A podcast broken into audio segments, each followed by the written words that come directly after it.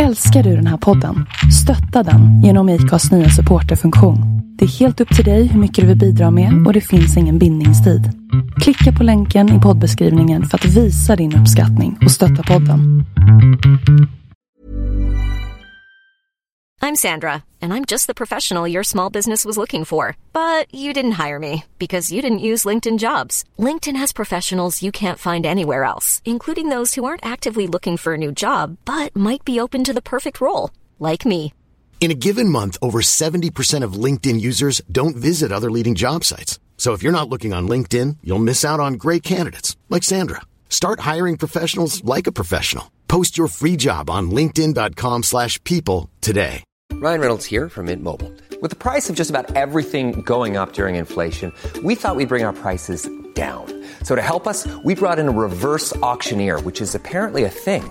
Mint Mobile unlimited premium wireless. Ready to get 30, 30, bit to get 30, bit to get 20, 20, 20, bit to get 20, 20, bit to get 15, 15, 15, 15 just 15 bucks a month. So, Give it a try at mintmobile.com slash switch.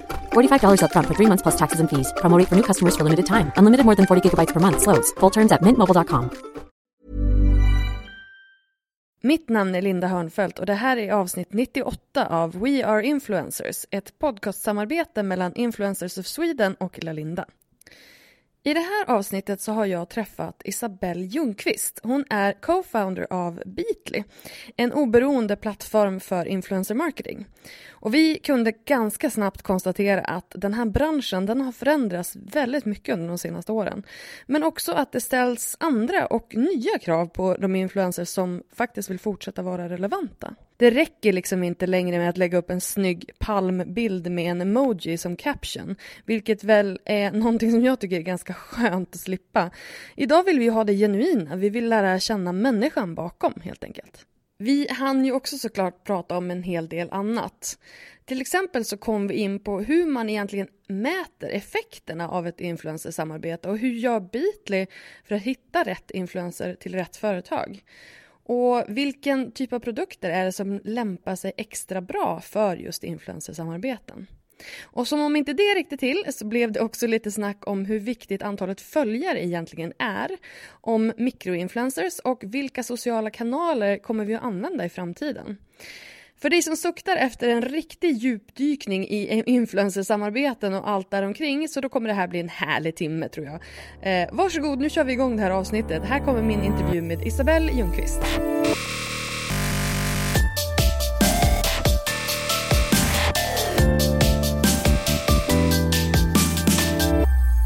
Jag har fått min första förfrågan om ett samarbete och jag har noll koll på vad som är rimlig ersättning.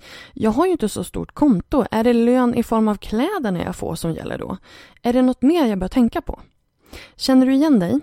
Så här ser många DM och mejl ut som jag får från up and coming influencers som är i starten av sin karriär och inte riktigt känner sig säkra på hur reglerna ser ut eller vad man borde ta betalt. Undrar du hur hela friden du ska gå tillväga för att ta betalt för samarbeten i sociala medier? För dig har jag skapat en gratis guide där jag tar dig igenom steg för steg hur du bör räkna när du sätter ihop ett erbjudande till en potentiell samarbetspartner. Gå till www.lalinda.se ta betalt för att ladda ner guiden. lalinda.se ta betalt. Och välkommen Isabelle Ljungqvist från Beatly.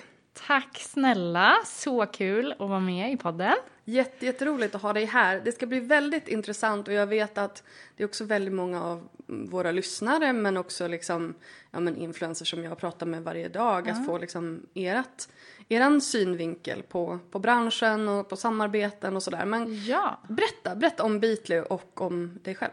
Ja, eh, jag börjar kort om Beatly. Eh, vi är en eh, oberoende influencerplattform, det vill säga vi har inget stall med influencers som vi förser med arbete utan vi jobbar oberoende med alla eh, och även globalt. Eh, och det är en approach som vi tog väldigt tidigt, att jobba mer eh, fokuserat på data Eh, och tänka mycket utifrån kunders perspektiv. Att kunna välja de influencers som vi tycker är allra bäst utifrån målgrupp och andra aspekter. Eh, istället för att jobba med, med specifika eh, influencers. Så vi har varit igång i fyra år. eh, lite drygt. Och, Du var med och grundade eller hur? Ja, precis. Ehm, så jag heter Isabelle och jag eh, är en av grundarna och jag är även ansvarig för kampanjavdelningen. Ehm, och det som vi gör på kampanjavdelningen är ju egentligen efter att en deal har kommit in från en kund så är det jag eller någon i mitt team som sätter ihop allt det kreativa, så kommunikationen som briefen exempelvis. Vi sitter också med selekteringen av influencers och väljer vilka som ska vara med i kampanjerna, eller som vi vill bjuda in i alla fall. Sen är det alltid upp till influencerna att avgöra om det passar. Eh, och följer hela kampanjen så vi är med, kommunicerar med influencers under kampanjens gång och ser till att vi når de mål som vi ska och att allting egentligen bara flyter på. Men du säger att det är en influencerplattform. Alltså, jag tror att väldigt Mm. många är, lite så här förvirrade kring de här olika aktörerna som finns Ja. i branschen. För det finns ju då eh, ja, men, mediebyråer och Mm. reklambyråer och, och den typen av byrå. Mm. Och sen finns det ju influenceragenturer. Precis. Sen skulle jag väl också säga att det kanske finns Alltså, jag skulle ju säga att ni är en influencerbyrå, eller liksom Mm. åt, åt det hållet. Ehm, när man liksom så här, försöker sätta ihop Ja. vil, vilka aktörer det är som finns. Men Mm. du säger att ni är en plattform, vilket jag då tänker att då är det ju, då är det ju den tekniska biten som Ja, kommer först. precis. Liksom. Exakt. Ehm, och man kan väl säga att vi är ju egentligen, eh, vi jobbar ju på vissa sätt som en byrå, eh, men vi är också en plattform. Vi har hela det tekniska, eh, en plattform med 70 000 konton globalt. Eh, Instagramkonton då? det är främst, jag vet inte exakt hur många procent som är Instagram, men definitivt den merparten, kanske 80-90 procent av det är Instagram-konton. Eh, och, sen, sen- kan det vara resterande kanaler som YouTube eller Okej, bloggar så det är inte och så vidare. 70 000 profiler utan, Nej, utan, liksom konton. Mm. Ja. Ehm, så vi, ehm, vi har den tekniska lösningen och allting liksom samlat i vår plattform och det är även där vi skriver briefer och som vi skickar ut kampanjer genom systemet och all mätning sker automatiskt i plattformen. Eh, så vi har det stödet, men vi jobbar ju på en by- som en byrå på det sättet att vi jobbar med rådgivning med kunderna. Eh, vi tar fram koncept tillsammans med dem eller åt dem om de känner sig eh, gröna och lite osäkra i vad de ska göra. Och vi är ju med eh, och liksom skriver all kommunikation och vi kommunicerar med influencers och ser till att de har allt som de behöver. Så att det är inte heller bara en teknisk plattform som automatiskt sköter allting när vi trycker på en knapp utan eh, jag skulle säga att det, vi har ju ett enormt bra stöd av plattformen eh, och eh, gör mycket manuellt själva också. Skräddarsytt. Det finns mycket som eh, datorer och robotar ännu inte kan liksom göra bättre än vad vi människor kan. Nej men det, och det är, lite, det är lite där jag, du vet när jag läser på olika så här, eh, branschnyhetssajter Mm. att, att eh, det här företaget ska komma in och automatisera influencer marketing eller Ja. kapa ut mellanhänder bla bla bla. Mm. Då känner jag att fast det, man kan ju inte automatisera relationer. Nej. För det är ju det det handlar om i slutändan. Liksom. Ja, men precis. Eh, verkligen. Och vi började ju så som väldigt många andra då för fyra år sedan. Branschen var väldigt ny. Vi Så det är visste helt inte sjukt att riktigt. det bara är fyra år Ja, sedan. jag vet. Helt det känns bisarrt. som fyra decennier Ja, ungefär. men Om man faktiskt. tänker på vad som har hunnit hända. Faktiskt. För jag drog ju igång Better bloggers, alltså Mm. föregångaren till Influencers of Sweden, i ungefär samma veva som, Mm. som ni eh, kom in. För att jag, jag tror att jag sökte till Sting Ja, när okej. ni an- Antingen så satt ni redan där eller så kom ni in när jag blev Ja, nekad. ja. Och jag blev nekad för att jag var själv. För att jag inte hade ett team. Du behövde ett team. Eh, jag behövde ett team, Mm. vilket ju liksom är rimligt och sådär. Och sen, sen blev det ju inte alls vad, vad som jag hade tänkt från början. Men, men jag minns att då, ni dök ju upp på min radar redan då. Ja, ja men precis. Eh, ja men exakt, vi var med i Stings accelerator för fyra år sedan. Så det var så vi fick en eh, liksom, första bra skjuts in Mm. i branschen. Eh, och det var väldigt nytt då. Det var, folk visste, ja, alltså begreppet influencers var knappt myntat. Utan man pratade mycket om bloggare eller liksom Exakt. profiler var- i sociala medier. Det var det där som var så roligt för när jag då grundade Better bloggers det var ju hösten 2014. Och sen kom United Influencers våren 2015. Och jag tror att det var någonstans med, med det företaget och det var någonstans där det kändes som att de nästan så satte ner pålen att så här, okej nu använder vi uttrycket influencer. Precis. För jag hade varit lite inne på det och tafsat på, ska man använda ordet influencer? Nej, ingen kommer veta vad det är, det är svårt att säga, bla bla bla och då blev det bättre bloggers Ja. istället. Ja, men Eh, Så att jag var så här, hopp, där kom det tåget jag missade, skit! Nej men verkligen, nu känns alla enade om det och det Ja, går men att faktiskt. prata nästintill med, med mormor och uh, kanske inte riktigt har, vi, vi kanske inte riktigt har samma uppfattning vad det är för någonting. Men... Nej, eller hur? Inte Ja. riktigt så. Men det, det är så pass vida spritt och det står Ja. Mm. i media hela tiden. Eh, så att nu känns det som att det har satt sig vad det innebär och också Mm. att liksom respekten för influenceryrket verkligen Jag har börjat. hoppas innerligt det. Alltså. Men känner du det? Känner du? Du, du som sitter med kunderna. För jag kan ju känna att liksom vad ska man säga, följarna och delvis också influencers själva ehm, inte kanske riktigt gillar ordet. Ehm, därför att ja, men jag, var på en, jag var på en föreläsning om det var två veckor sedan med en influencer. Eh, hon kallar sig själv för content creator. Och du vet, och jag blev så här... åh, Ska vi, ska vi gå, okej. För att, då, att, att, att det är många som har börjat använda ordet content creator istället för influencer.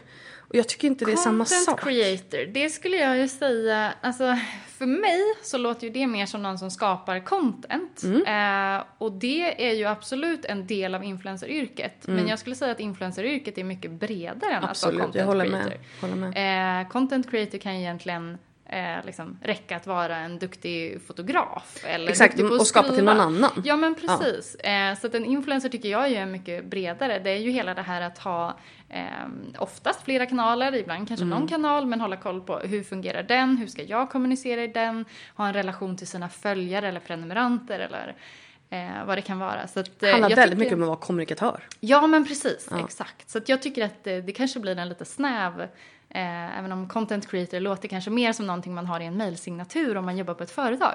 Eh, det är möjligt, men jag tycker att det är lite, lite för snävt. Så jag tycker inte man får hela sin fulla rätt. Nej, men, men du känner att, att liksom uttrycket influencer blir, är mer respekterat nu än för några år sedan? Ja, det tycker jag. Eh, I början när vi var ute hos kunder så var det ju verkligen, eh, man fick liksom berätta att det här är någonting som eh, funkar. De har en påverkan, de får saker att hända, de eh, kan skapa en efterfrågan eller driva frågor och debatter.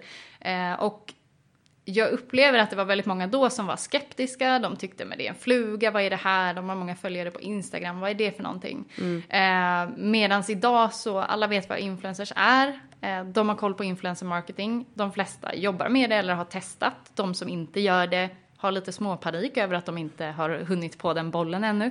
Eh, och det finns, eh, tycker jag, man ser på influencers på ett helt annat sätt. Man ser dem som professionella partners som man jobbar med och inte som någon form av bortskämda personer som har råkat få många följare hux flux.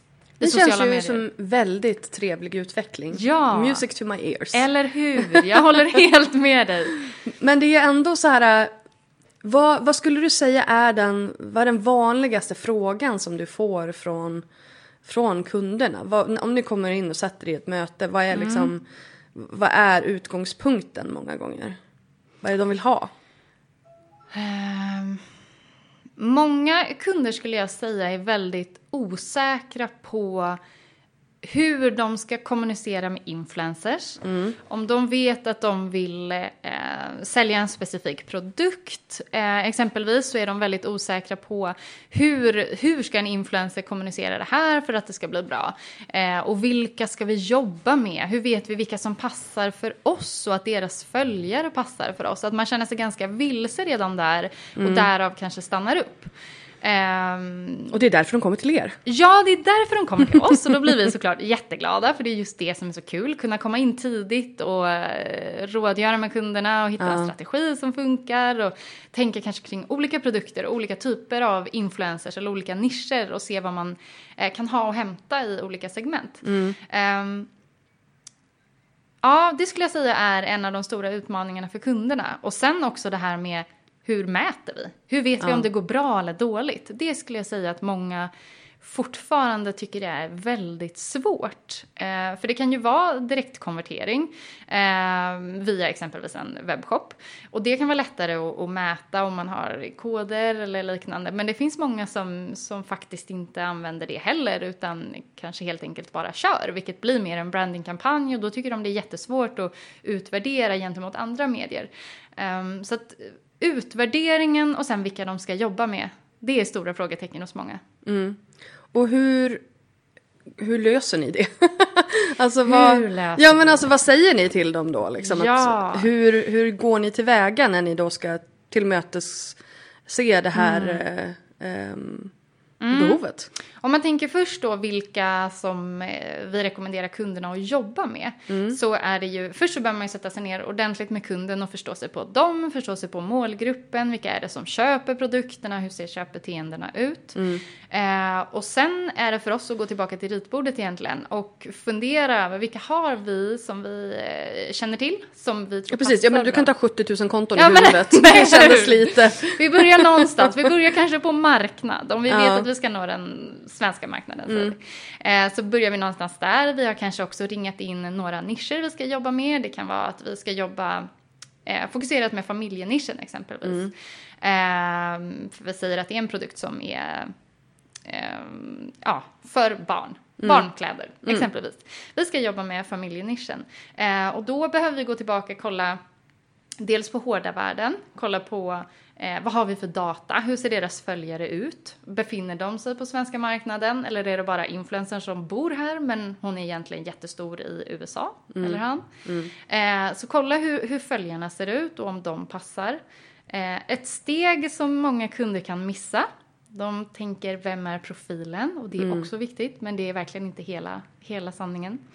Eh, så vi kollar på hårda värden då som målgruppsdata. Vi kollar också hur de har gått i tidigare kampanjer, om vi har sett att de har en stor inverkan, de kan driva trafik och engagemang. Ehm, och vi kollar också CPM-mässigt så har vi ju alltid en budget att förhålla oss till. Ehm, så att vi behöver också se att vi kan motivera ehm, den investeringen vi gör om vi, om vi väljer att boka en influencer. Att vi tror att vi får tillbaka eh, det som vi vet att kunden vill ha helt enkelt. Men sen kollar vi ju också jättemycket på, på mjuka värden och det är ju där, det är just där vi människor kommer in och är mm, oslagbara. So far, underbart att vi inte är utkonkurrerade av någon robot. It's coming. ja, exakt. They're coming for us. Verkligen.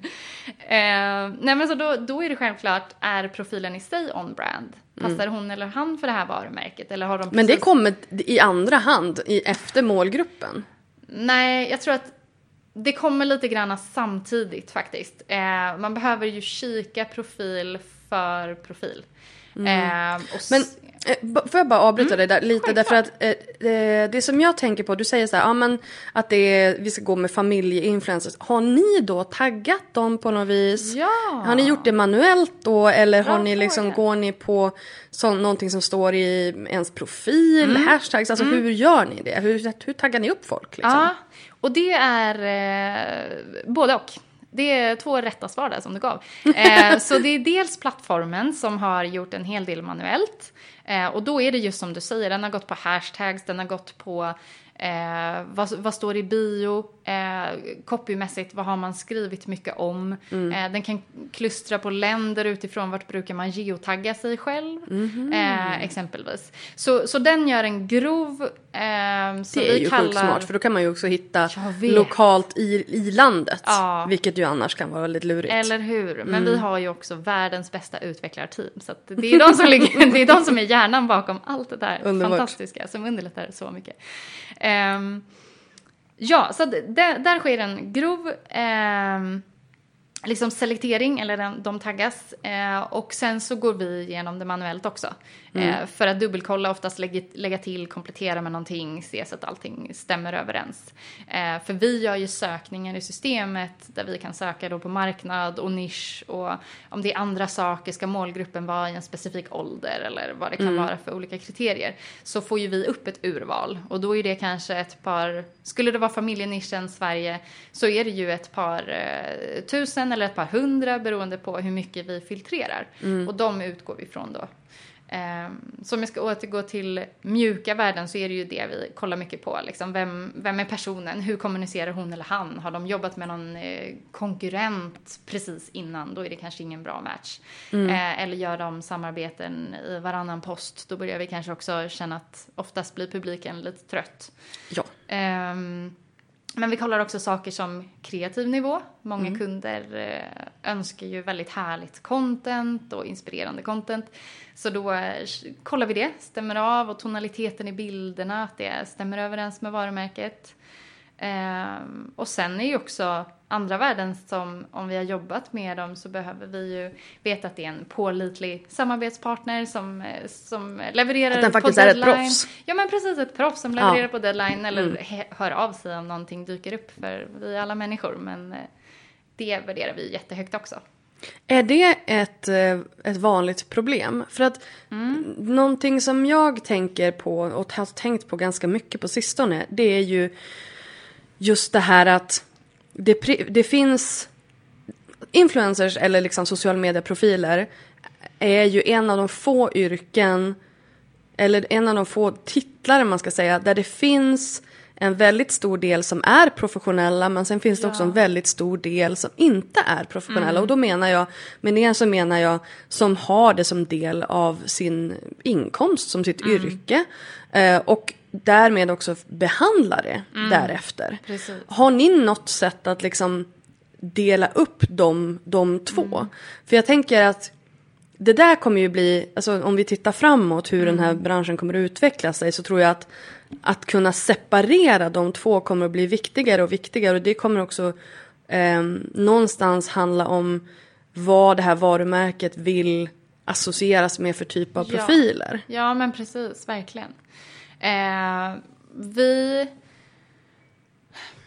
Det, det kan vara en utmaning ibland, för folk eh, tar det ju olika seriöst. Men efter fyra år i branschen och många tusentals samarbeten så måste jag ändå säga att det är väldigt ovanligt eh, att influencers beter sig nonchalant eller bara går under jorden. Det händer absolut. Eh, och ibland finns det jättebra förklaringar och då har vi all förståelse för det. Men om man märker att förklaringen är väldigt nonchalant. Iddes inte. Och, ja men precis, om den är obefintlig Ja. eh, så blir det ju självklart svårt att jobba tillsammans framöver. För att våra kunder har ju jättehöga krav på oss. Såklart. Vilket gör att vi måste ha höga krav på att det som, det som bokas och det vi förväntar oss ska levereras, att det faktiskt också levereras. Och Mm. sen kan det dyka upp saker på vägen, men då behöver man ju kommunicera kring det. Barn kan bli sjuka, man kan bryta en fot, man kan bara ha en jättetuff period liksom och ha alldeles för mycket att göra och det är helt okej. Vi har all förståelse för det, men viktigt då att man bara kan kommunicera det så att vi hittar en lösning. Då kan man ju prata med kunden och prata om det kanske blir ett senare publiceringsdatum eller kan vi göra bilden på ett annat sätt? Hon kan inte använda foten eller eh, det finns alltid Jobbigt om det är skor. Ja, men det är Så trail running. ja. Hade du använt de här skorna så hade det blivit bättre. Man kan alltid vinkla det. Ja, verkligen. Men sen så tänker jag också på det här med eh, för vi pratar hårda värden versus mjuka värden. Och jag tänker på det här med vilka siffror det är som är intressanta idag. För jag menar följare har ju varit eh, liksom, det är ju såklart det enklaste att gå på. Det, det är all det som alla ser. Ehm, sen har vi liksom engagemang kräver lite mer Alltså då måste man faktiskt sätta sig och räkna. Eh, om man inte har en fin plattform som ni har. Eller hur?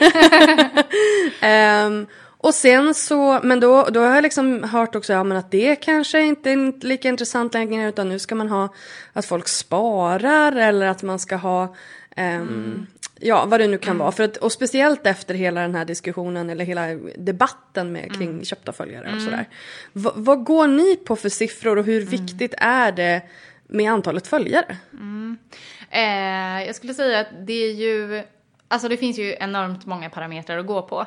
Eh, och kunder kan också ha olika önskemål om, om vad, vad vi bör kika på. Men det vi, primärt kollar på, eh, det är ju, vi jobbar ju väldigt mycket med influencers som är mellan kanske ja, från, oftast från 10 000 eh, och upp till kanske runt 100, ibland är det 150 000 följare, men oftast rör vi oss någonstans där i spannet och ibland under 10 000 ner till kanske 4 000 eller det kan gå lägre också. Eh, och det som vi behöver tänka på är ju att hålla ihop budgeten är att vi hittar influencers som tillsammans utgör ett startfält som går ihop räckviddsmässigt och budgetmässigt. Eh, och sen om det är fem stycken eller 30 stycken, det är oftast inte så viktigt varken för oss eller kunden. Det kan vara, vill de ha väldigt mycket content så fokuserar vi på att boka något mindre konton men flera. Eh, men följare skulle jag ändå säga är ganska Nej, det är inte det viktigaste i alla fall vill jag verkligen, eh, verkligen säga.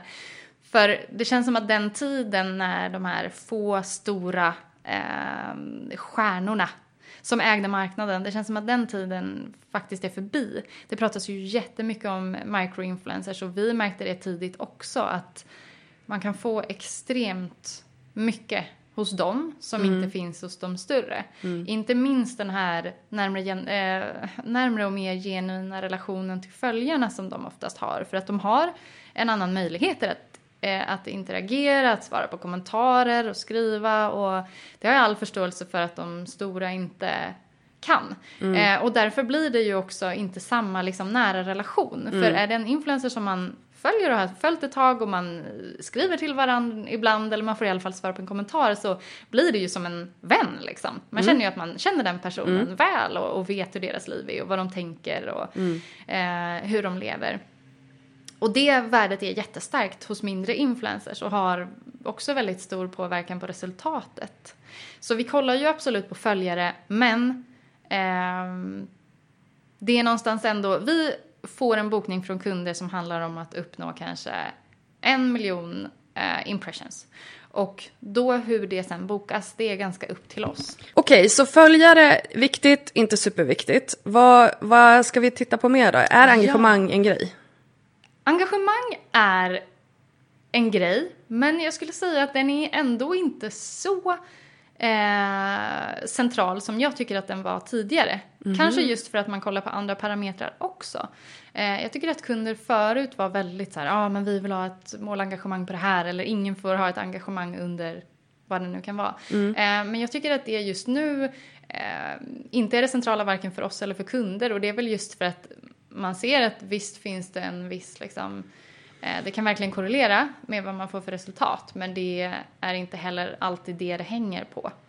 Ehm, så vi kollar på det till viss del och ligger någon på ett engagemang på kanske 0,5 Ja, nej, det var ju lite... då, då är det lite kämpigt. är det lite kämpigt, det är Då- korrekt. Då tror jag man behöver Jag kanske... tror till och med Kim Kardashian har över en Ja, men procent. precis. Jag tror då får man eh, nästan eh, börja snacka lite mer med följarna. Jag och, tror det också. Eh, dra upp sitt engagemang. Men vad är ett bra engagemang då? Vad skulle du Ett säga bra ett bra engagemang engagemang- ligger på ungefär? Alltså det skulle jag säga, engagemang är någonting som jag tycker har gått ner en hel del.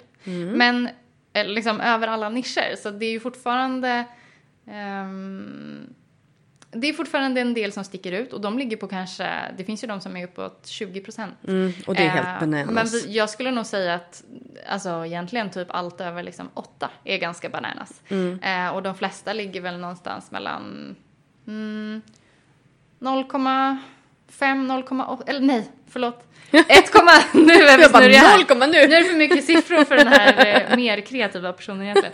Eh, nej, 1,5, 1,8 kanske. Mhm. Eh, och upp till eh, någonstans runt 3, Mm. 4 procent. Där skulle jag säga att, att många ligger. Jag bara, du sitter där och bara, jag ligger på typ 6 Ja, men det är superbra jobbat, verkligen. Nej men och det blir ju som, som du säger, det är ju lättare också när man, när man har ett mindre konto. Mm. Eh, jag har ju runt, jag har inte, inte fullt 6000 följare. Så jag menar då är det klart att då har man ju också mycket, mycket mer möjlighet att Ja. faktiskt vara, interagera och Ja, sådär. men precis. Men, men då, och då räknar vi på följare. Då räknar vi på följare, Ja, precis. för att om man tittar på, för det jag brukar också titta på det är ju liksom vad man får för engagemang baserat på den räckvidden som faktiskt Ja. bilden har. Ja. Men om vi bara lämnar Instagram en liten stund, för det är ju väldigt mycket fokus på Instagram. Och det är ju självklart därför att ja, men det, det är lätt, och, alltså det finns API, man kan komma in, man kan liksom läsa av. Ehm, och det finns väldigt mycket data att hämta. Ja. Men om man tittar på till exempel bloggar, jobbar ni med bloggare? Och vad, hur, hur tänker man där nu för tiden? Ehm, vi valde en bit in på resan att nischa in oss mycket på Instagram och helt enkelt bli bäst där. Och det var för att vi ofta såg att resultaten vi fick för våra kunders investeringar var så otroligt bra på Instagram. Det blev helt enkelt den kanalen vi eh, automatiskt rekommenderade oftast.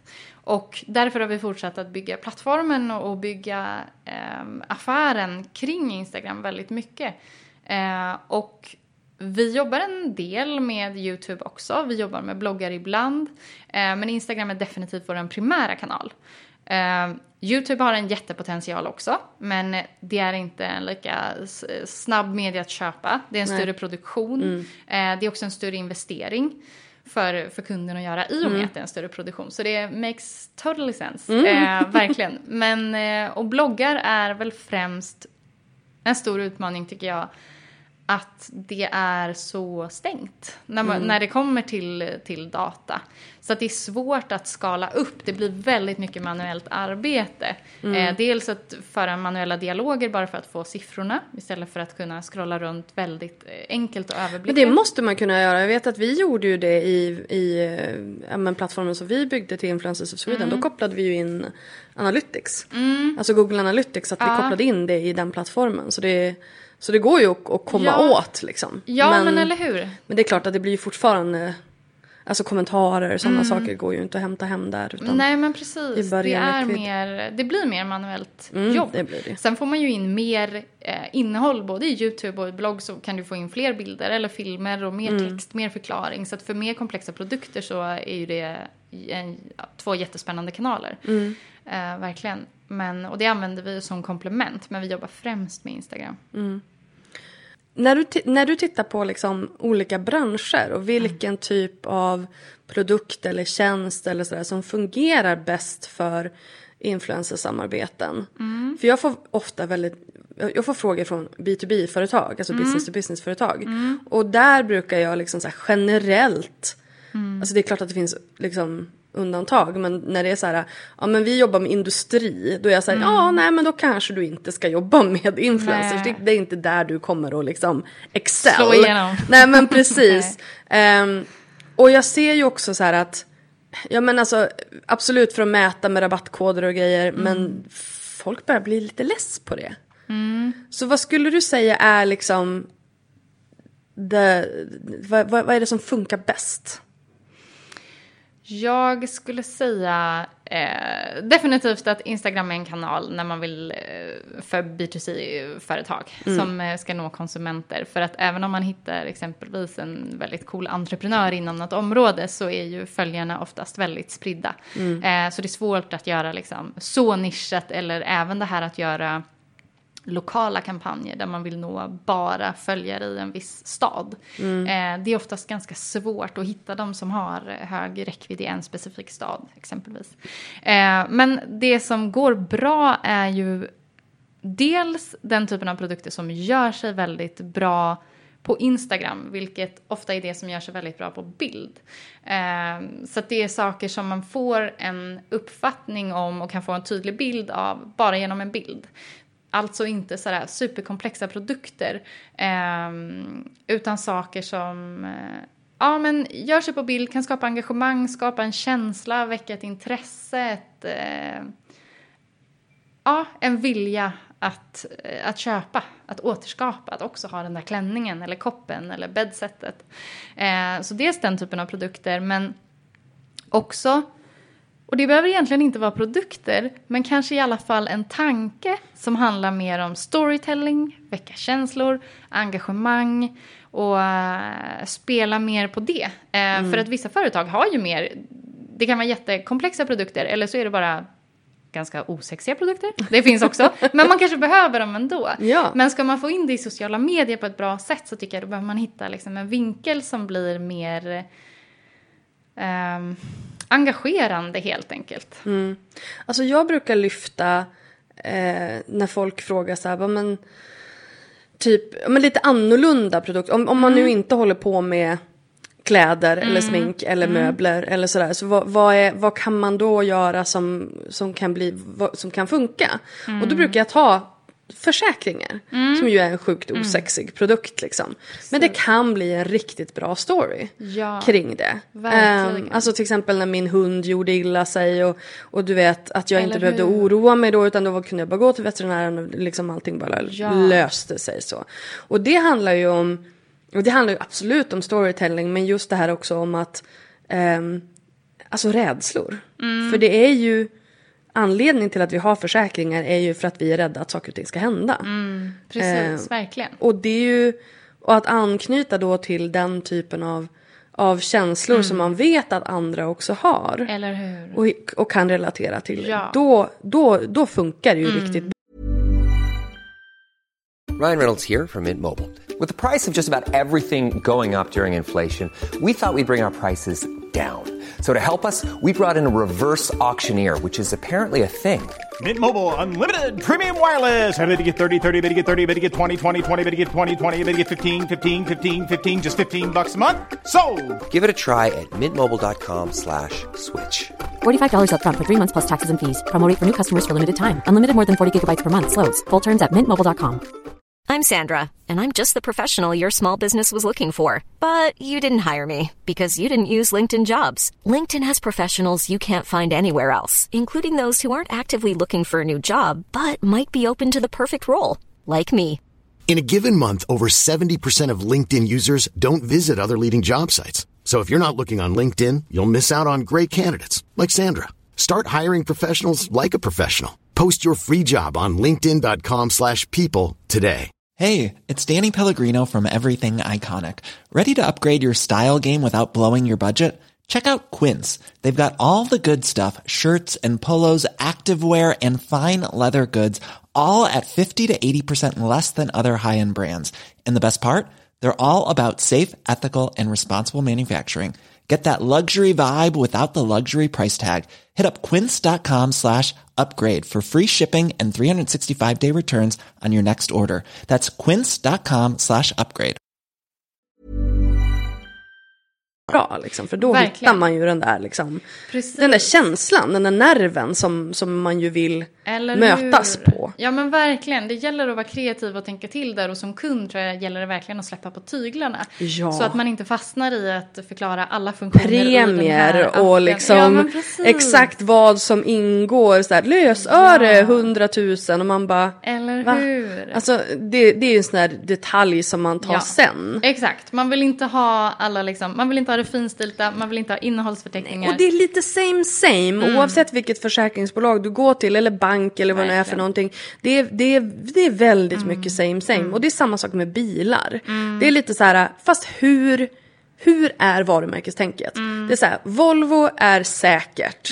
Eh, Porsche är coolt. Alltså, Exakt. det är liksom, det, det är så här, vad fyller man varumärket med? Ja. Och det är ju det som du då ska ta via ett influencersamarbete. Ja, men exakt. Alltså Det- vill du vara liksom så här vimla, cool och hipp Mm. eh, telekom eller vill du vara liksom Telenor som är lite mer business? Alltså du vet. Mm. Ja men precis, hur så. vill du po- positionera dig, vad vill du Exakt. anspå- spela på för typ av känslor eller väcka för engagemang? Exakt. Och jag tror att det är där kunden och även influencern som ska sälja in Mm. ett samarbete behöver liksom tänka lite längre. Därför Ja. att detaljerna, produktdetaljerna i det läget Mm. är inte intressanta. Nej, De finns på landningssidan hos kunden. Precis. De Verkligen. behöver inte finnas eh, i Instagram-bilden. Mm. Liksom. Nej men verkligen, det gäller att våga vara mer kreativ i de lägena. Mm. Eh, och hitta en, som är man ett elbolag, ja men prata om miljö. Exakt. Ehm, Eller är du, eh, precis som du kom in på nu, med eh, bilar har vi Mm. en kund inom. Det är till och med så härligt att det är liksom delar av en bil som nu ska marknadsföras. Eh, och det bara, låter väldigt oklart. Ja, Kommer väldigt oklart. Så bra när det kommer ut. Men där har vi just anspelat på eh, det här med säkerhet och att välja, eh, välja produkter som lever upp till, eh, till säkerhetskraven och verkligen är av högsta kvalitet. Just för att ja, det kan få sån stor inverkan där och då när det väl eh, gäller. Liksom. Och förhoppningsvis så är ju de flesta bilar, nyproducerade bilar nu för tiden, säkra. Sen finns det såklart olika nivåer och, och sådär. Men, men det jag menar är liksom att även fast alla bilar är hyfsat säkra och förhoppningsvis har bilbälten som fungerar. Så, så är det lite så här, fast vad går man? Vad går man efter? Vill man ha, en- vill, har man då säkerhet som det viktigaste eller vill man köra lite mer miljövänligt? Eller vill man ha en men bensinsnål bil? Eller vill man ha... Eller är det designen som är så Exakt, speciell? exakt. Jag tror det, det är viktigt att hitta sitt eh, liksom, eh, värdeord eller budskap. För att vill man träffa allt och alla så kommer man träffa ingen. Exakt. Eh, utan Preach. Hitta, ja, Preach! hur? Nej, men eh, försöka hitta någonting som känns genuint och unikt och bra för sitt varumärke och som man också är beredd att låta spinna vidare i flera kanaler liksom och göra en ja, större avtryck på det sättet. Ja men precis och det där tror jag är också någonting som kommer att bli viktigare längre fram. För att liksom när man ska titta på så här, vilka, vilka kommer att finnas kvar? Vilka kommer liksom att överleva i, i branschen? Eh, för jag menar nu är det väldigt mycket snack om microinfluencers. Och I'm all for it, I'm there for it. Därför att jag tycker också att det är jättebra och det finns väldigt mycket jätteduktiga kreatörer som, är, eh, som har mindre profiler men som ehm, som sagt har de här nära relationerna. Och kanske inte heller Fokus är inte att liksom jaga siffror utan att liksom leverera till de som man har. Vilket jag också är någonting som jag säger hela tiden. Det är så här, fast om du skapar innehåll och skapar kommunikation och tar hand om de följarna som du redan har. Då kommer det att komma fler till festen. Ja, Så. eller hur. Verkligen. Jag träffade en eh, fantastisk influencer i förra veckan som resonerade just så att eh, hon sa att jag vet att jag inte är störst, jag har inte det största kontot. Eh, men jag har kommit upp till den nivån som jag en gång drömde om och nu vill jag bara förvalta den, ta hand om dem, svara på kommentarer och eh, ge tips till dem som, eh, som ställer frågor och, och Ja. verkligen hinna finnas där och hinna leverera, fråga vad de vill ha och också kunna producera det. Och Mm. Det tycker jag är väldigt klokt. Eh, Otroligt verkligen, klokt. att inte bara fastna i den här jakten på oändligt mycket följare. För att Mm. det är verkligen inte allt. Nej men det är ju inte det. Men jag tror att det är ju liksom någonstans så har majoriteten har fastnat i ett, det här 10 000 följare. Ja. Mm. För det är en magisk gräns. Inte bara därför att man har fått för sig att ja, men det är då man börjar få liksom, samarbeten. Mm. Men också för den här swipe up-funktionen som man inte får annars. Vilket är otroligt enerverande. Ja. Säger jag som Än sitter så här på länge. mina 6 000. Än så länge, vem vet? Förut var det verifierade konton, sen blev det de med 10 000. Det kan hända grejer. Ja, men det tar så lång tid. Ja, jo, verkligen. Och så sen så sitter man, men när man sitter, när man fastnar i den tanken då är man så här, vi har verkligen gett hela vårt liv till Instagram. ja. Och där tänker jag så här, hur känns det att ha hängt upp hela sin affärsmodell på Instagram? Som ni har gjort.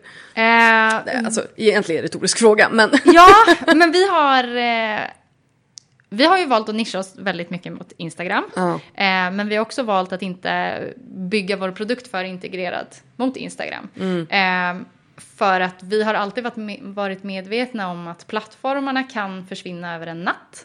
Eller de kan förändras på ett sätt som gör att följarna helt enkelt, eller användarna av appen eller plattformen försvinner. Så vi har valt att bygga den väldigt stabil där vi samlar influencers och alla deras konton, alla plattformar. Eh, så att vi är inte speciellt sårbara för Instagram egentligen. Självklart hoppas vi att, den ska få, att Instagram får leva vidare. Men det kommer hända där. komma nya plattformar, så är det. Det kommer komma någonting nytt som är så ännu tror du det? För jag vet det 17 alltså. Förr eller senare. Jo, absolut. Men jag måste säga att det har satt sig väldigt hårt. Och när stories kom på Instagram så kändes det som att, ja men alltså där Bye kom Snapchat. kronan på verket Ja men liksom. absolut. Och jag kände väl någonstans också så här att alltså nu äger Facebook, Instagram, Google äger YouTube. Mm. Liksom kommer någon att kunna putta undan dem? Jag tror Vet inte, inte. det. Det kan vara tufft, men det kan vara de som kommer på någonting Absolut, väldigt och det ska vara i så fall ifall de köper upp någonting nytt och liksom Ja. pushar för det. Det skulle kunna Precis. vara grejen. Men jag känner också nu, det, så här, det finns poddar, Mm. det finns stories, det finns YouTube, det finns eh, Instagram. Alltså, nu har vi täckt eh, liksom alla Mm. medier. Jag tänker nu, ifall det kommer någonting mer, då är det, kommer det ju vara någon form av VR-grej. Mm. Vara. Eh, eventuellt AR, men där känner jag också att Instagram är ganska starka. Ja. Så att... Eh, Jag tror var- att plattformarna vi har står stabilt. Jag tror att det kommer hända mycket spännande saker på plattformarna, men jag tror Absolut. att de är ganska... Eh, ja, men de står på stadiga ben, det Ja. tror jag. Men jag är samtidigt pepp på att se vad som, vad som kommer och vad som händer som bara när eh, Musical.ly eller TikTok Mm. kom. Hur det, alltså, i och för sig kanske till en lite yngre målgrupp som vi inte jobbar speciellt mycket med.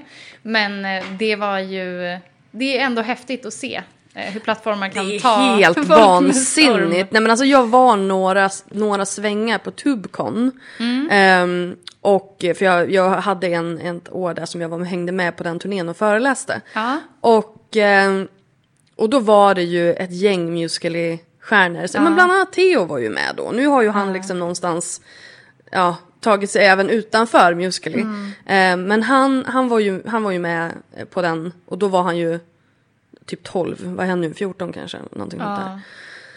Och alltså se den hysterin som de här liksom 10-12-åringarna orsakar. Det var helt, det var verkligen Det är intressant. insane. ja, verkligen. Ehm, och jag blev personligen lite så här orolig. Inte, alltså mest på grund av, alltså nu, nu tog vi en liten detour här i samtalet, men eh, mest på grund av de här unga profilerna Mm. som blir, får så två miljoner följare över en natt, inte över en natt, men det, på ett halvår kanske. Precis, det är väldigt det kort går tid. väldigt snabbt. Det går väldigt fort. Mm. De har inte...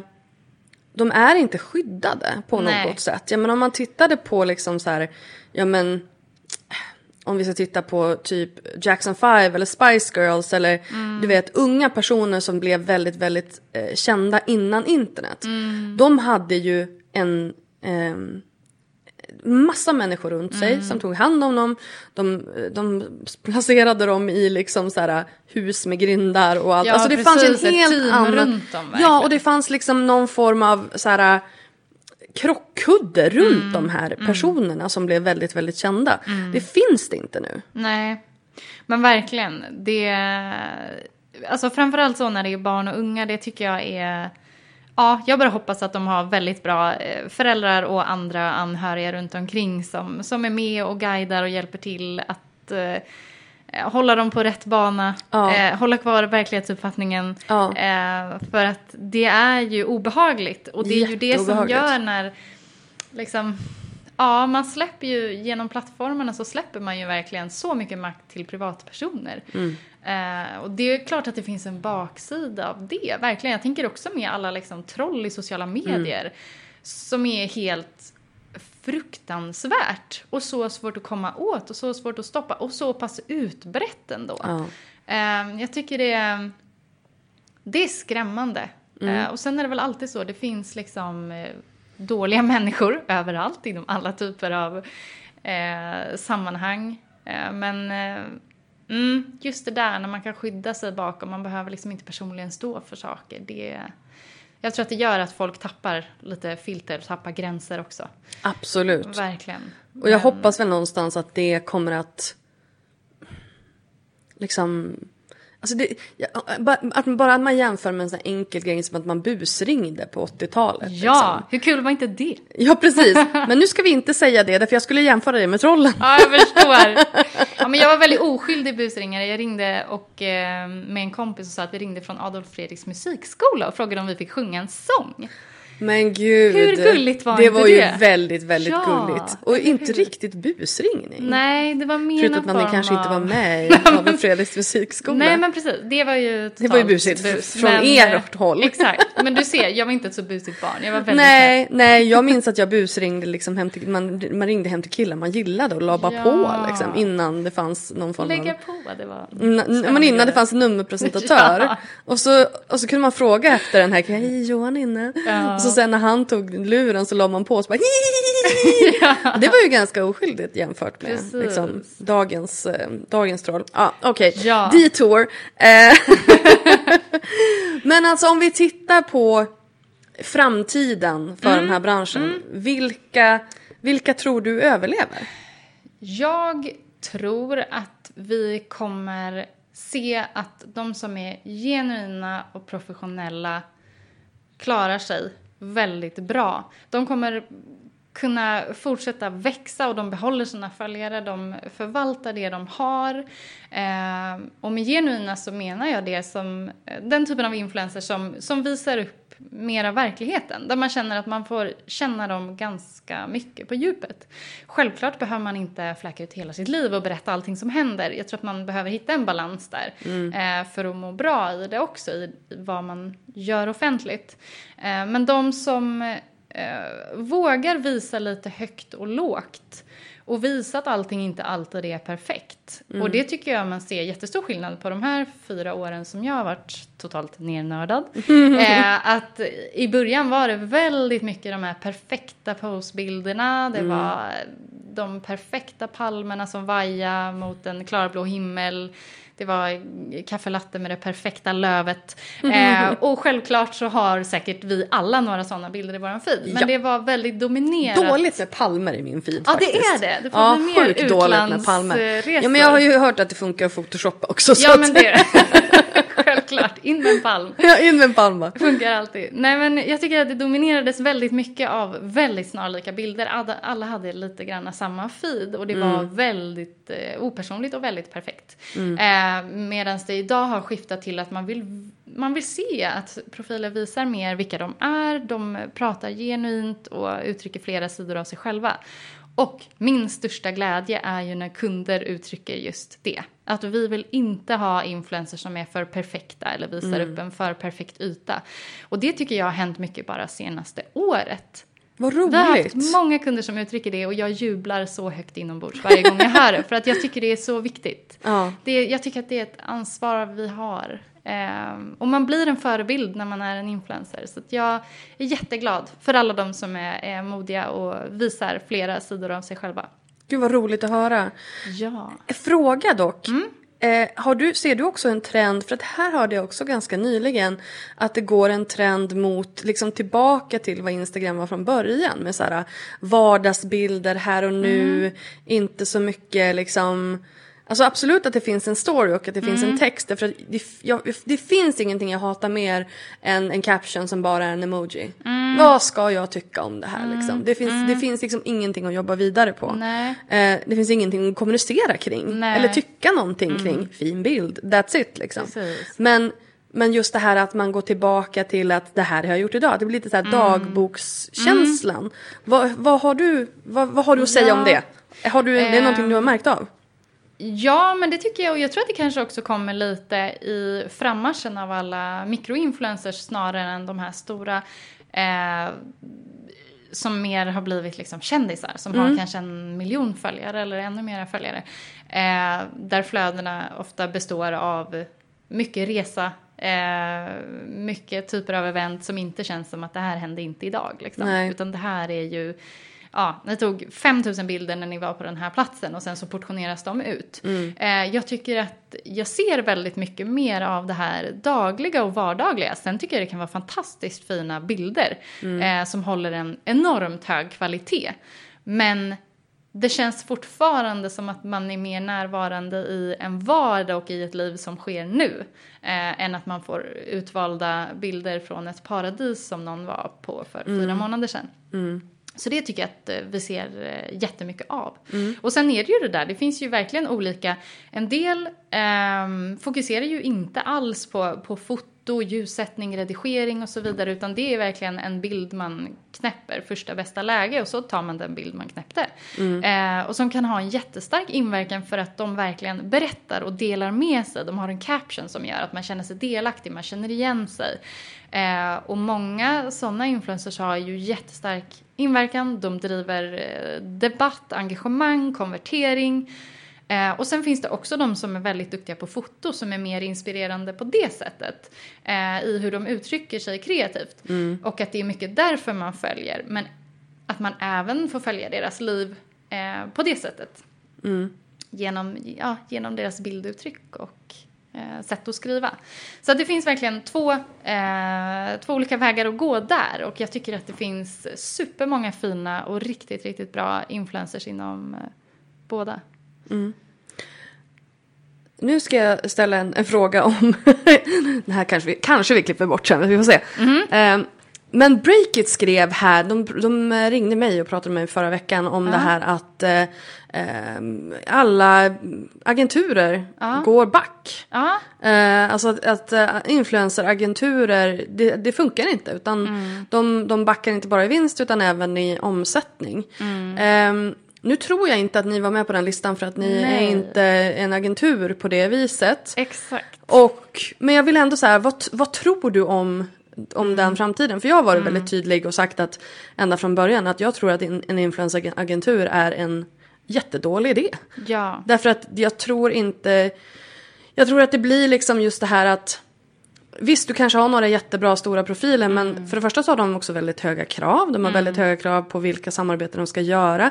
Sen kanske man har olika profiler inom helt olika nischer vilket betyder att man måste jaga tre gånger så många annonsörer eh, och sen blir de dyra etc. etc. Så att jag har liksom, det där har jag sagt i liksom, flera, flera års Ja. tid att jag tror att det är en minusaffär från Ja, början. Det är precis. cred men det är minusaffär. Liksom. Ja. Vad, tänk, vad Eh. tänker du in- inför framtiden om, om Mm. liksom, alltså ni som sitter någonstans på annonsörerna, vilka kommer Ja. att lyckas där? Eh, det finns, eller det fanns ju definitivt en anledning till att de inte ringde oss. Eh, och det var ju för att vi inte hade stöttat eh, resultaten i, i eh, de ville make a point att det gick dåligt för alla, då kan man inte ringa dem som det, Det går bra för. faktiskt går väldigt bra för. Eh, så att, eh, vi var ju tacksamma att vi fick vara på den eh, sidan helt enkelt. Eh, och jag tror, vi var ju också väldigt lockade i början när vi märkte att många influencers blev signade, man hade sitt stall och det liksom ansågs ju lite som en trygghet att man hade sina influencers som ingen annan kan komma åt. Och vi började ju också märka det när vi skickade ut att vi fick nej från många eller det var en agent som svarade och ville ha liksom eh, 500% mot vad vi tyckte var ett rimligt pris. Eh, så det är klart att vi i början oerfarna var lite eh, frågande till borde vi också signa folk eller vad, vad gör vi här? Men vi har ändå varit ganska trygga i att nej, det om något är en risk. Eh, att signa upp sig på influencers som kan förändras eller branschen förändras eller de är med i något speciellt sammanhang och plötsligt vill folk inte arbeta med dem längre. Så vi valde ju tidigt att inte signa influencers och eh, ser jag tillbaka på det nu så är jag ju otroligt tacksam för det. Eh, och jag tycker också man ser väldigt många influencers som vi jobbar med som är ändå något större. Eh, de kan svara, jag har, nu har jag blivit signad av de här så jag kommer tyvärr inte kunna jobba direkt med er men ni kan höra av er till min agent. Eh, och i väldigt många fall så går det inte så mycket mer än några veckor. Och sen hör de av sig och nej det funkade inte så bra så jag är fri igen. Eh, så ni får jättegärna fortsätta skicka. Ja, så att jag tycker eh, det är inte förvånande att eh, se den artikeln och se att de kämpar. Eh, och jag är ju verkligen allt för, för frihet. Jag tycker att det finns så mycket för alla att vinna på att influencers får vara fria. Kunder får liksom utgå från vilka de eh, kan få ut bäst samarbeten av istället för att utgå från ett stall som behöver förses med arbeten men där matchningen kanske egentligen inte finns. Den blir ganska krystad. Liksom. Exakt. Eh, så att jag tror att det kan vara en stor utmaning för dem att, att klara sig. Sen tror jag också, det finns ju en jättestyrka i de som är riktigt stora influencers. Eh, för att de är ett så starkt varumärke och bara att förknippas med deras ansikte gör att man anses vara exklusiv som varumärke eller på något vis ändå få en stamp att man är okej. Så det finns ett värde men eh, jag tror att det ändå har minskat. Man ser på det på ett annat sätt. Sen så märker jag ju mer och mer också att de som är riktigt stora bryter sig loss. Mm. Eh, och sen så krävs det ju också så här att Ja men om man nu har en, eh, man har en agentur med typ 20 profiler varav Mm. tre är jättestora och resten inte alls är så stora. Då kommer man ju lägga fokuset där pengarna är tänker jag. Mm. Precis. men det är ju liksom, det är min tolkning. Sen så tror jag ju också så här att det kommer att behövas att man, att man kanske går mer mot liksom så som man jobbar med skådespelare eller musiker, att du har en, en manager som liksom då precis. jobbar mot, ja men till exempel mot er då, då Ja. eller mot, ja, mot kund.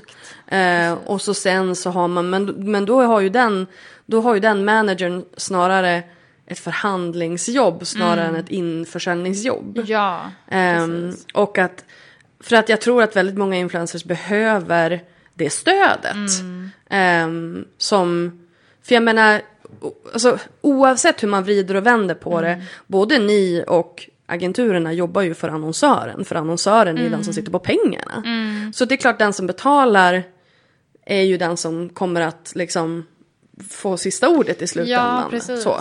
Ehm, men jag tror ju att influencers själva kommer att behöva Alltså Influencers of Sweden är ju ett sånt alternativ men jag tror att man kanske kommer behöva liksom mindre kluster. Mm. Och det ser man ju också att det, det är liksom olika nätverk alltså av influencers som går ihop och har ett, ett Mm. Precis. gemensamt säljbolag eller sådär. Ja, precis. Eh, och att man snarare kanske ska dra sig åt det hållet Mm. istället för att eftersträva att bli signad av en Mm. stor agentur. Verkligen. Om man nu inte kan garantera att de faktiskt gör jobbet åt en. För Ja. att många är också så här, ham, hamnar någon slags på exklusivitetsskalan. Att så här, men då får inte du jobba med ja, men er eller att man får gå, gå och jaga Exakt. kunder själva. Och, och då, då går man ju back ifall inte nu den här Ja. agenturen jobbar Ja, för precis. en. Liksom. Man, man låser sig ju ganska snabbt då. Ja. Och det är väl det som många upplever också. Att, som du säger, är man det här största eller nummer två eller tre största namnen Mm. eh, där man är signad så kan det nog vara toppen. Ja. Eh, men är man inte det så tror jag det kan vara en utmaning. Att man hamnar lite i skymundan eller att det, det blir vad det blir för samarbeten. Liksom. Och så får man Precis. kanske tacka och ta emot och vara väldigt, väldigt kreativ för att få in det i Ja, sitt och i flöde. Är slutändan så måste man ju se till sitt eget varumärke först. Därför att som Ja. influencer så är det ju där, det är där det du har. Ja. Och du måste liksom hålla det allra, allra högst. För, Ja, för att annars så kommer du inte ha någonting i, i slutändan. Och Nej. speciellt om man nu tittar på, det har vi inte pratat om, men eh, jag vill toucha lite grann Mm. vid liksom så här reklamtrötthet bland influencers. För att Mm. där, där kan jag känna att så här, just på Instagram är Mm. reklamtröttheten väldigt stor. Nu. För att det blandas, det är både Instagrams reklam och sen, sen så även om du eller liksom jag eller gör ett samarbete i veckan så blandas ju det med alla andra Mm. samarbeten. Vilket ju gör att det blir väldigt mycket. Till skillnad då från till exempel en blogg. Mm. Ja. För går jag in på den då är det ju bara den personen som och, och de samarbeten som den personen har gjort. Precis, Och verkligen. vad, vad, hur, hur, vad, vad märker ni där? Jag tror att det är ännu viktigare med matchningen idag. Och jag tror- att det är ännu viktigare för influensen att ta sig tiden att hitta sin unika vinkel. Eh, och tänka till verkligen vilka samarbeten som man tar in. Och jag tycker att vi får lite då och då svar från influencers som har tackat nej som nästan ber om ursäkt. Att förlåt att jag tackade nej till den här ehm, kampanjen men den kändes inte rätt. Eller jag har, har de här erfarenheterna så att därför kändes det inte bra. Eller jag har jobbat med en konkurrent. Det kan vara vilken anledning som helst men de ber nästan som om ursäkt. Medan jag snarare känner men tack snälla för att du tar ansvaret att tacka nej när det inte känns bra och genuint. För att vi kan bara göra våran selektering och vi kollar på väldigt många olika parametrar. Men de här innersta anledningarna och eh, alla aspekter i, i den personens liv kommer vi aldrig kunna känna till. Nej, du kan ju inte ha stenkoll på de här 70 000 liksom. Nej, men du, det du kan ju inte veta om, om ni ska, alltså om, om de har en historia med ett speciellt varumärke Ja, eller en speciell produkt som exakt. gör att det Precis. Att det liksom svider. Eller Ja. att om de är glutenintoleranta och du, du säger kan du göra en reklam för det här brödet. Alltså Ja, liksom, eller hur? Det är inte alltid Verkligen. man har koll på alla de grejerna. Ja. Nej men exakt, och jag tycker att eh, det är jätteviktigt att våga stå på sig där och tro på sitt varumärke och tro att det kommer komma fler kampanjer, det kommer komma saker som känns bättre för mig, varumärken som är en bättre match. Och sen tycker jag också att det är fantastiskt de som verkligen rakt ut förklarar varför de gör betalda samarbeten. Att de trots allt jobbar ibland heltid, många gör ju det idag, eh, med att inspirera, skriva content, fota, filma, redigera. Det är ju ett heltidsjobb för många mer än det. Eh, och då behöver man också ha en inkomst och för många är ju det just annonsörer. Och förklarar man det tydligt för följarna så tror jag också att det, det finns en annan förståelse. Absolut. Och även om många där ute idag har börjat förstå att det är lite så det måste kunna se ut om någon ska kunna lägga hela eh, sin arbetsvecka på det. Eh, så tror jag att det är bra att påminna och förklara. Absolut. Faktiskt. För, att, för att hålla det transparent och också förklara att man väljer med omsorg. Man kommer inte slänga in någonting som känns helt fel eller mot det man egentligen står för. Eller. Eh, så, så välja med omsorg och förklara om man känner att man möts av, av någon negativ liksom, respons från följare. För ibland kan det vara fel och det kan vara fair att den responsen kommer. Men eh, ibland kan det nog behövas en påminnelse för alla följare också att det är inte ett...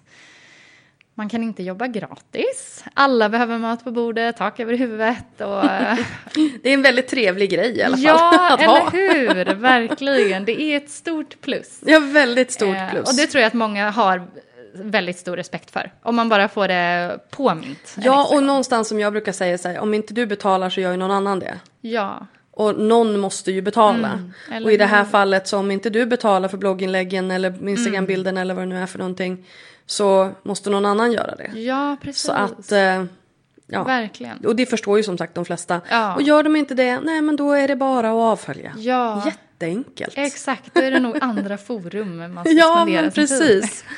Men du, om, Aha. man, eh, om man vill liksom hänga med er på Beatly och, och Ja, eh, vara- vara var liksom, mm, vet du det, till ert förfogande som influencer, hur gör man då? Och Mm. vad har ni liksom för, eh, vad, vad är det för hoops man måste jump through för att få vara med? Ja, men vi har ju... Eh, vi har ju plockat in väldigt många konton. Eh, så vi har en bra uppställning, men vi lägger också till nya influencers hela tiden. Och vi blir jätteglada när folk ansöker.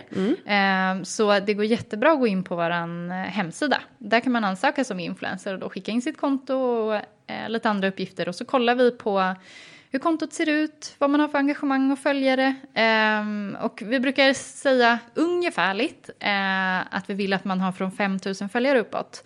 Eh, men sen finns det också, det finns de som har 2 000 följare och ett helt otroligt engagemang och massor med kommentarer och som väger Kanske upp på andra nischade.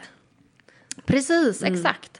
Eh, ju så mer nischad man är desto mindre kan man vara. Verkligen. Så det finns ju de flesta konton, de som, som gör det bra och vill göra det bra, där finns det ju värden att hämta.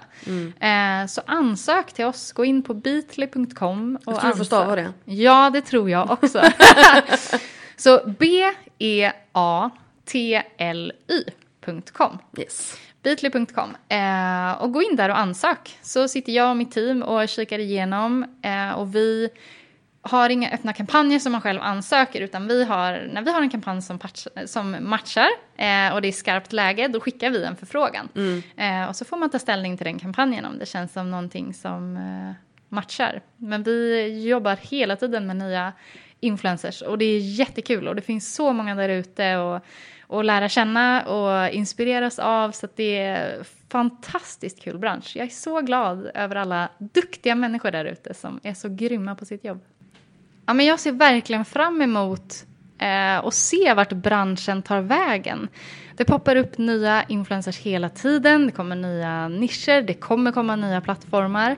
Eh, och det är så grundläggande mänskligt det här att vilja inspireras och söka förebilder, vilja se hur andra tänker, vad gör de och hur har de det. Ehm, så det är otroligt kul eh, att se hur mycket duktiga influencers det finns och se vart branschen ska ta vägen helt enkelt. Mm.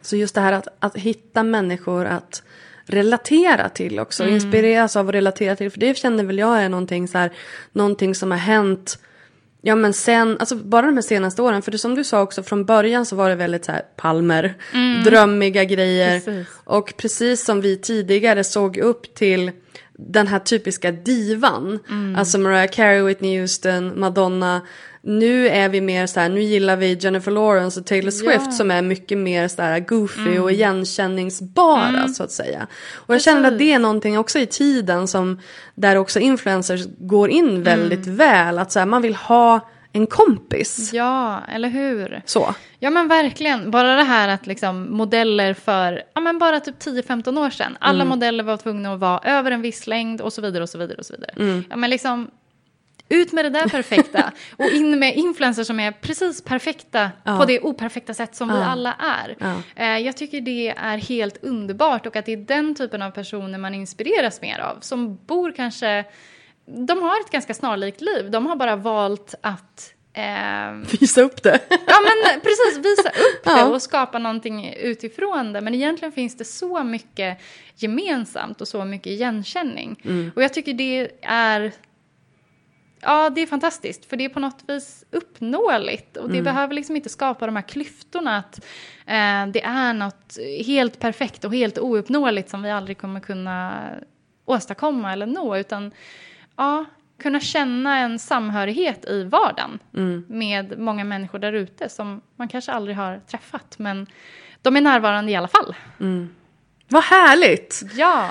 Det tycker jag blev en fin eh, slutkläm på det här ja, avsnittet. Tack snälla Isabel för att du kom och berättade ja, om den här snälla. sidan av influencerbranschen. Ja, så härligt. Vi hade kunnat sitta här i flera timmar till. Absolut, Underbart. vi kanske gör det fast ni inte får vara med. Eller hur. Ja, men stort tack för det. Tack själv. Och det var det för idag. Tack för att du lyssnade på podden. Och om du tyckte om den så får du jättegärna gå in på iTunes och lämna ett betyg och en recension på podden så att fler har möjlighet att upptäcka den. Ta också gärna en skärmdump av den här podden, lägg upp den på din Instagram story och tagga mig på @lalinda och berätta vad du tyckte. Vad tog du med dig från det här avsnittet? Var det någonting som du kände var peppande eller extra användbart? Jag älskar ju att höra ifrån er vad ni, vad ni, vad ni tycker om podden så det vore jätteroligt om du ville meddela mig det. Glöm inte heller att eh, följa mig på Instagram på lalinda och du hittar mig även på min blogg på lalinda.se. Tack för att du har lyssnat. Hej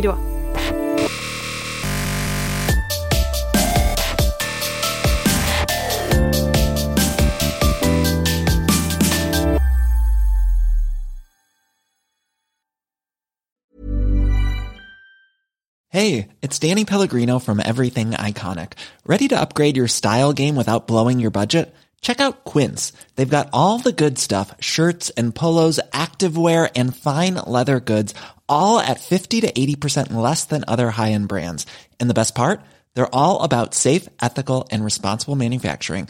Get that luxury vibe without the luxury price tag. Hit up quince.com slash upgrade for free shipping and 365 day returns on your next order. That's quince.com slash upgrade. Even when we're on a budget, we still deserve nice things. Quince is a place to scoop up stunning high-end goods for 50 to 80% less than similar brands. They have buttery soft cashmere sweaters starting at $50, luxurious Italian leather bags, and so much more. Plus, Quince only works with factories that use safe, ethical, and responsible manufacturing. Get the high-end goods you'll love without the high price tag with Quince. Go to quince.com/style for free shipping and 365-day returns.